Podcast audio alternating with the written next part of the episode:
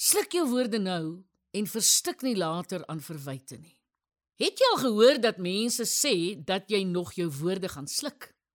Dit klink vreemd, maar daar is soveel waarheid in die stelling.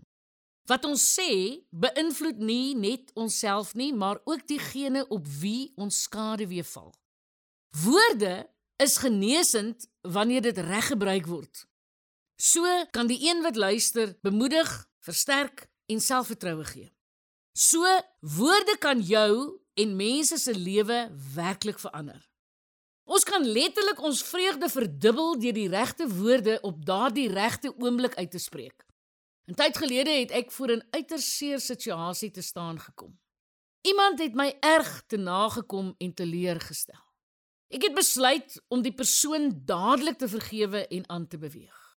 Ek het gekies om my hart teen bitterheid te beskerm. Van tyd tot tyd sal mense, omdat hulle omgee, my oor die storie uitvra.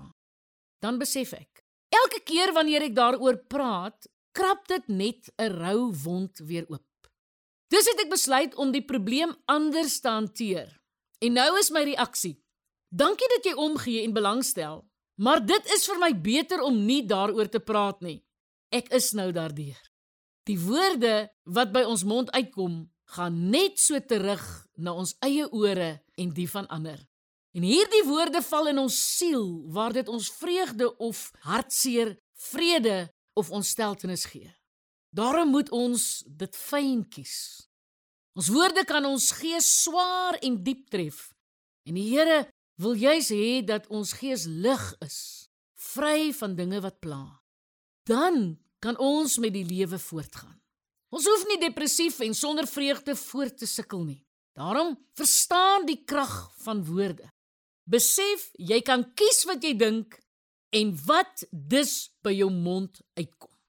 En die oomblik wanneer jy dit besef, sal jou lewe radikaal verander of herskep word.